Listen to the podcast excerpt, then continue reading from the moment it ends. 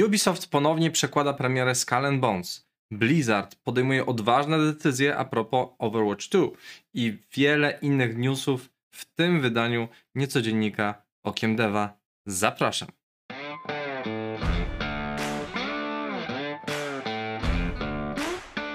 Witam serdecznie, nazywam się Grzegorz Wątroba, a to mój kanał Okiem Deva. W dzisiejszym niecodzienniku, nieregularnym e, podsumowaniu najświeższych wiadomości ze świata gier jest naprawdę gęsto, więc zaczynamy. Na początek krótka informacja a propos tego, jak sobie radzi People Can Fly, a w zasadzie no tutaj jeden projekt zostaje zawieszony, mianowicie nowojorski oddział e, People Can Fly pracował nad jedną z sześciu, jednym z sześciu projektów firmy o kryptonimie Dagger i projekt to był typu Action Adventure. Był w produkcji od dwóch lat, Take-Two go wydawało. E, postanowiono rozwiązać tą umowę, nad tytułem tutaj dalej pieczę sprawuje właśnie People Can Fly, zachowują wszelkie prawa e, z tego, co tłumaczą e, publicznie deweloperzy, e, ta umowa jest kończona na pokojowych warunkach i po prostu przejdzie pod skrzydła stricte studia i będą najprawdopodobniej kontynuować pracę nad projektem i będą go wydawać własnym sumptem. Studio aktualnie studio aktualnie tworzy e, już nie 6, a 5 e, projektów. Jednym z nich jest mm, Project Bifrost, e, wydawany przez Square Enix. Dodatkowo dwa projekty tworzą właśnie przez self-publishing, czyli wydają gry sami oraz tworzą jeszcze dwa produkty na VR. Poza tym ich ostatni tytuł Outriders spotkał się z całkiem niezłym przyjęciem fanów. Co prawda miał problemy z zarobieniem na siebie na początku, ale wydanie na Xbox Game Pass napędziło też sprzedaż na innych e, kanałach dystrybucyjnych, więc ostatecznie wydaje mi się, że wyszli na swoje e, i mam nadzieję, że e, nadal będą na tym tytule zarabiać, bo zbiera całkiem niezłe recenzje, chociaż ten ostatni dodatek ponoć był średni. Wciąż myślę, że sobie tutaj ekipa radzi dobrze, bo na tyle na ile ich znam, to naprawdę jest solidny E, zespół pasjonatów. E, teraz są porozrastani w różnych miejscach świata, więc tym bardziej tylko pozostaje trzymać kciuki za kolejne projekty, nad którymi będą siedzieli. A teraz następny news. Następny news to Skull Bones przesunięte na marzec 2023 roku. Skull Bones, czyli piracki symulator oparty na mechanikach z Assassin's Creed 4 Black Flag zostaje przesunięty z 8 listopada 2022 roku na 9 marca 2023 roku. Deweloper tłumaczy zmianę chęcią dopracowania tytułu ym, i zareagowania na wewnętrzne testy gry, bo zazwyczaj zanim wydaje się też publiczne jakieś testy beta i tak dalej, robi się y, tak zwane testy internal, E, testy Friends and Family. No i po nich widać był taki feedback, czy też informacja po prostu zwrotna, która wpłynęła widać na to, że deweloperzy chcą tą grę bardziej dopracować i bardzo dobrze, lepiej wydać grę później niż zbyt szybko i w złym stanie. Jak na mnie, co prawda, ta informacja e, jest takim średnim tłumaczeniem, jeżeli chodzi o samo dopracowanie gry, no bo tak naprawdę co mamy dodatkowe 5 miesięcy, no w sumie można przez te 5-6 miesięcy dużo zrobić. To jest ok, jak najbardziej.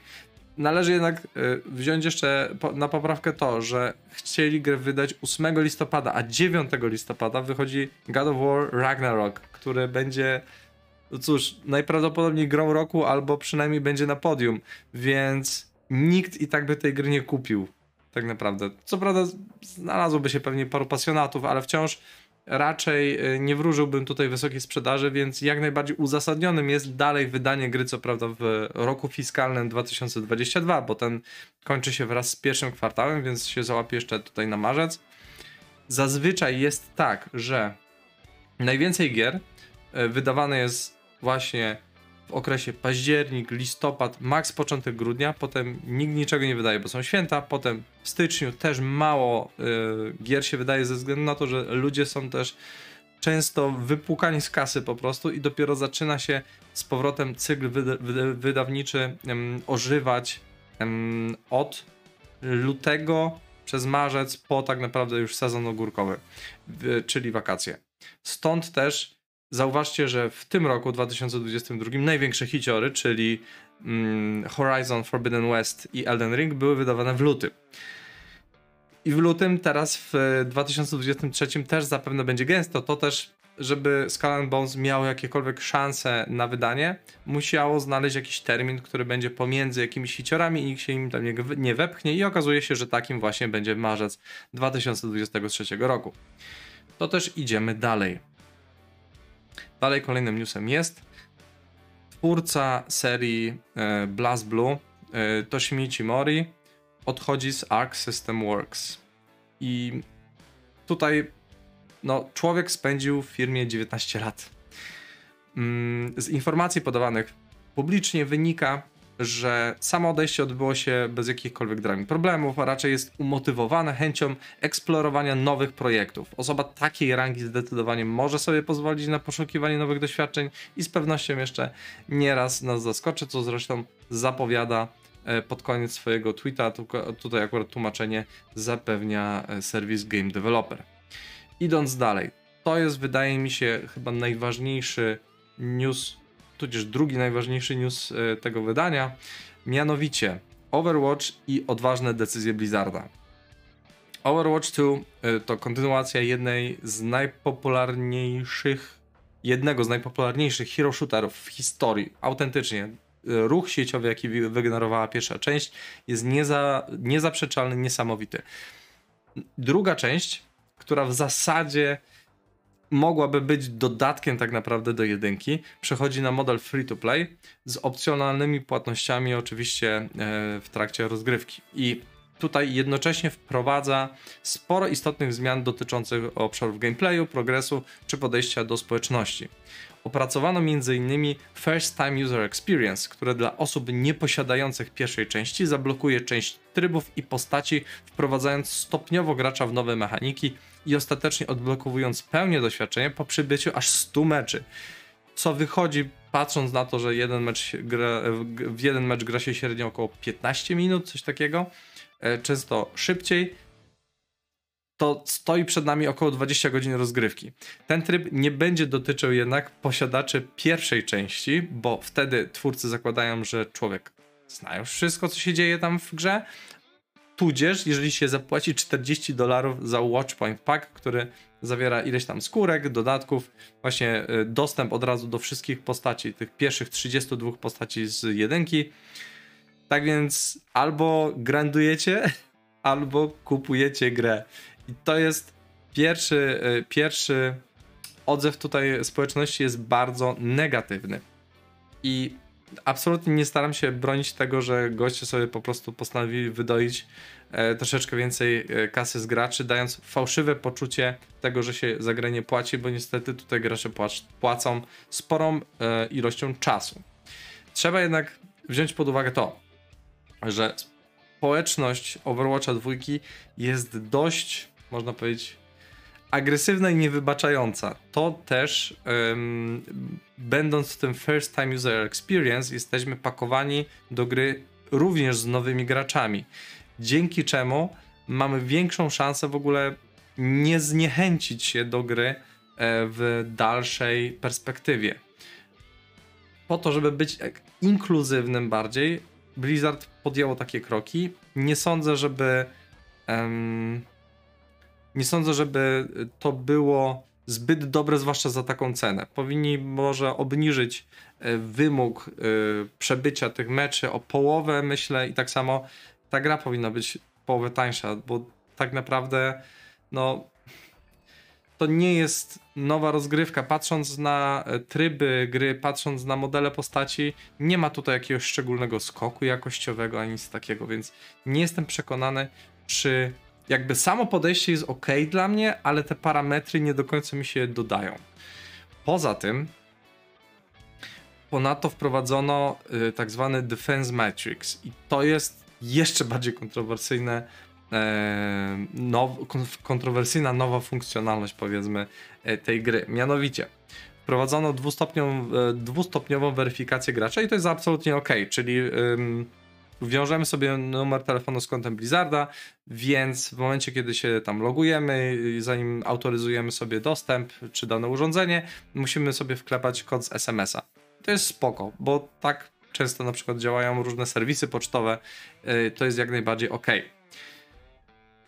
Natomiast to też y, spowoduje, że y, te numery telefonów są na stałe sklejane z kontem Blizzarda. To też w momencie, kiedy mm, użytkownik zostanie zbanowany, no będzie potrzebował nowego numeru telefonu, żeby, żeby powiązać sobie konto.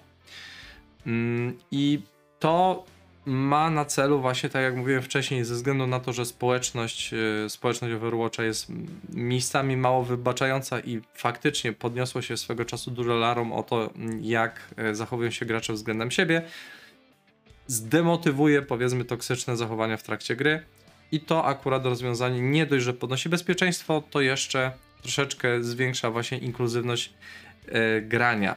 Natomiast ciekawszym elementem jest to, co się dzieje dalej. Mianowicie, mianowicie e, w większości tytułów do tej pory boty skanowały czaty tekstowe i w momencie stosowania mowy nienawiści, nadmiernej ilości przekleństw, takich e, tworzenia punktów zapalnych, system ostrzegał, a potem banował graczy.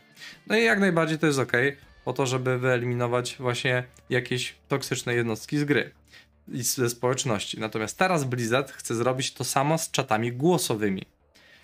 Nagrywając wypowiedzi tymczasowo na czas przerobienia materiału audio w tekst za pomocą e, uczenia maszynowego, a następnie skanowania wypowiedzi pod kątem jakby tych właśnie punktów zapalnych. I co prawda może to faktycznie wyeliminować szkodliwe zachowania, natomiast podnosi się tutaj kwestia właśnie prywatności i swobody wypowiedzi oraz ryzyka, że algorytm albo źle zinterpretuje dane, albo te dane gdzieś wyciekną.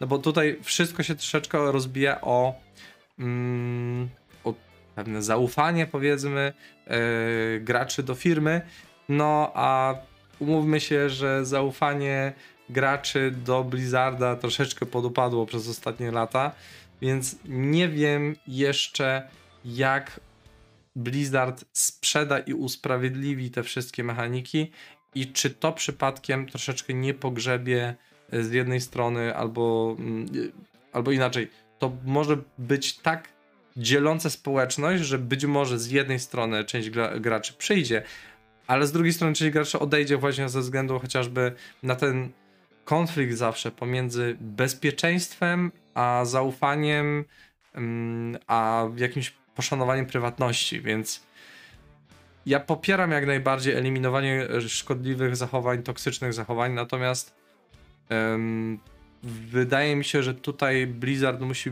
pójść bardzo do przodu, wyjść bardzo śmiało z ze wszystkimi możliwymi sposobami zabezpieczenia e, prywatności graczy i zapewnienia ich, że e, te nagrania e, będą wykorzystywane w sposób jak najbardziej uczciwy. A na razie po, powiedzmy, samo ich słowo tutaj moim zdaniem nie wystarczy. Poza tym osoby właśnie niezainteresowane, całe szczęście e, komunikacją i tekstem będą mogły użyć innego systemu jeszcze do komunikowania się, bo będą w zasadzie klonowali system ping, który tak dobrze sprawdził się w Apex Legends. I kolejny duży news, e, który w sumie zszedł bardzo niedawno, bo wczoraj, to że Google zamyka Stadia. W ostatnim wpisie na blogu projektu yy, właśnie Google Stadia oficjalnie kończą usługę w połowie stycznia 2023 roku. Cały projekt zaczął się w 2019, gdzie jednocześnie założono studio, które miało produkować gry stricte na tą platformę, wręcz zatrudniono wtedy przez Jade Raymond, czyli e, producentkę e, pierwszych Assassin's Creedów. Po dwóch latach studio zamknięto, bo się okazuje, że nie wystarczy tylko mieć furę hajsu e, i ściągnąć sobie profesjonalistów z różnych studiów. Trzeba też mieć dobry, solidny core team, tak, czyli ten bazowy zespół, który potrafi ze sobą współpracować. Trzeba mieć pewną wizję i plan na e, produkowanie gier, a nie wysypanie po prostu fury hajsu i powiedzenie róbcie se.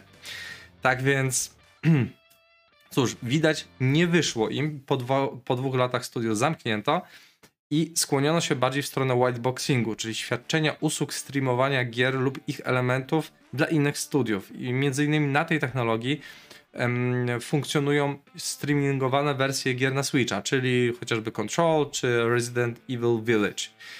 Wciąż jednak świadczyli usługi dla graczy. I jak się okazuje niezbyt długo, bo po kolejnych dwóch latach wszystkie zakupione gry Google y, już powoli są zwracane, reszta będzie stopniowo bądź częściowo też refundowana.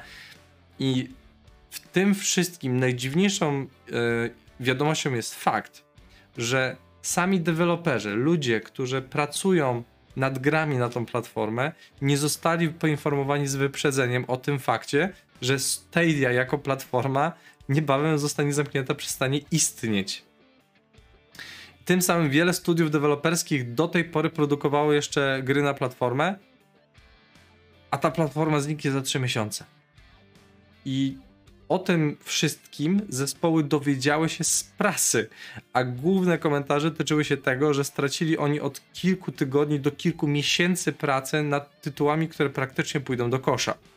I w oczach twórców z takim podejściem Google kompletnie się zdyskredytowało i póki co e, nie skomentowali dlaczego tak zrobili. No ale e, tutaj tłumaczę dlaczego to jest duży problem, bo często firmy e, planują swoje budżety nie tyle z miesiąca na miesiąc, co raczej kwartalnie, półrocznie albo rocznie. Teraz sobie pomyślcie, że planujecie właśnie sobie budżet do końca roku, tak? Czyli planujecie jak spożytkować 5 milionów dolarów na przestrzeni od października do grudnia i ok, mamy zakontraktowaną grę na Stadia, czyli zakupujemy odpowiednie technologie, licencje, zatrudniamy odpowiednią liczbę ludzi po to, żeby przez te 3 miesiące na przykład kończyć jakiś projekt na Google Stadia i nagle dostają informację, kiedy zakontraktowali sobie ten budżet, zaplanowali te wszystkie pieniądze i wydatki, dostają informację z prasy, gdzie jest wrzesień, czyli już mają ten cały budżet i planowanie zamknięte, bo to planowanie kwartalne robi się zazwyczaj miesiąc do przodu,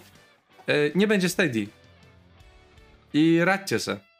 I fajnie, nie? E, to pomyślcie sobie, jak duży cios jest to po pierwsze dla ludzi, którzy odpowiadają za finansowanie gier, a po drugie dla zespołów, które na przykład właśnie od tygodni czy miesięcy pracowały nad jakimś tytułem już e, czy wieloplatformowym to jeszcze pół bidy, ale na przykład ekskluzywnym i w tym momencie okazuje się, że Google nawet oficjalnie do nich nie powiedział słuchajcie, nie róbcie tego tytułu, bo e, za niedługo zamykamy platformę. No to to jest po prostu tragedia, marnowanie zasobów, naprawdę tragiczne podejście i nie sądzę, żeby deweloperzy w jakichkolwiek projektach w przyszłości było skłonne właśnie współpracować z Googlem, o ile jakoś e, tego im nie wynagrodzą i nie zreperują. Niestety takie podejście to jest tragedia, więc no ja współczuję zespołom, które, które e, na tą platformę tworzyły.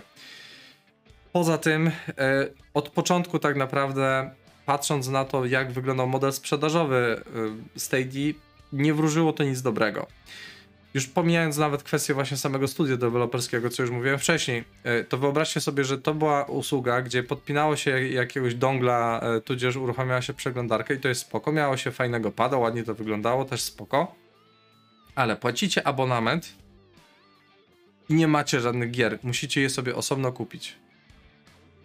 Mając obok y, Xbox Game Pass gdzie macie w ramach abonamentu kilkaset gier nie płacicie dodatkowo na, za żadną z nich, no to Google Stadia w tym momencie się absolutnie ośmieszyło. Zwłaszcza, że wraz z Game Passem niedługo potem przyszedł xCloud, który działa co najmniej tak samo dobrze, jeżeli nie lepiej.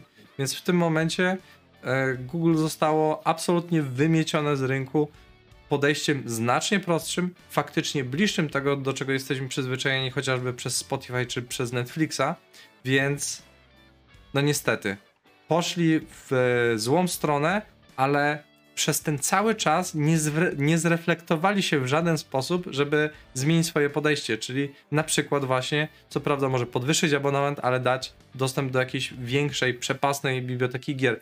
Ta co prawda była, ale nie optowała e, w zbyt dużo tytułów, na pewno żadne nowe, mało inwestowano w indyki, więc e, tutaj no jedyną zaletą było to, z tego co przynajmniej słyszałem, że development w momencie, kiedy się robiło grę na PC i na konsolę, to tworzenie gry na Stadia nie było zbyt dużym kosztem dla deweloperów, jeżeli korzystano z Unreal albo z Unity. Więc przynajmniej tyle. No ale cóż, niestety kolejna platforma upadła. Mm, no ale to jak zwykle wszystko weryfikuje rynek. Ostatni news tego wydania to Kena Bridge of Spirits y, jest już y, zaktualizowana od paru dni. Mianowicie nowa wersja gry Kena Bridge of Spirits została udostępniona z okazji utraty ekskluzywności dla PlayStation i Epica. Najnowsza wersja ma poprawioną mechanikę, grafikę, tryb New Game Plus, y, zawitała zarówno na Epic Game Store, na sklep PlayStation oraz Steama. Jest to gra, którą absolutnie warto się zapoznać. Jest przefantastyczna, przepiękna, świetnie zanimowana, niezbyt długa. Jednocześnie oferuje taki bardzo gęsty, satysfakcjonujący, prosty system walki i gameplay.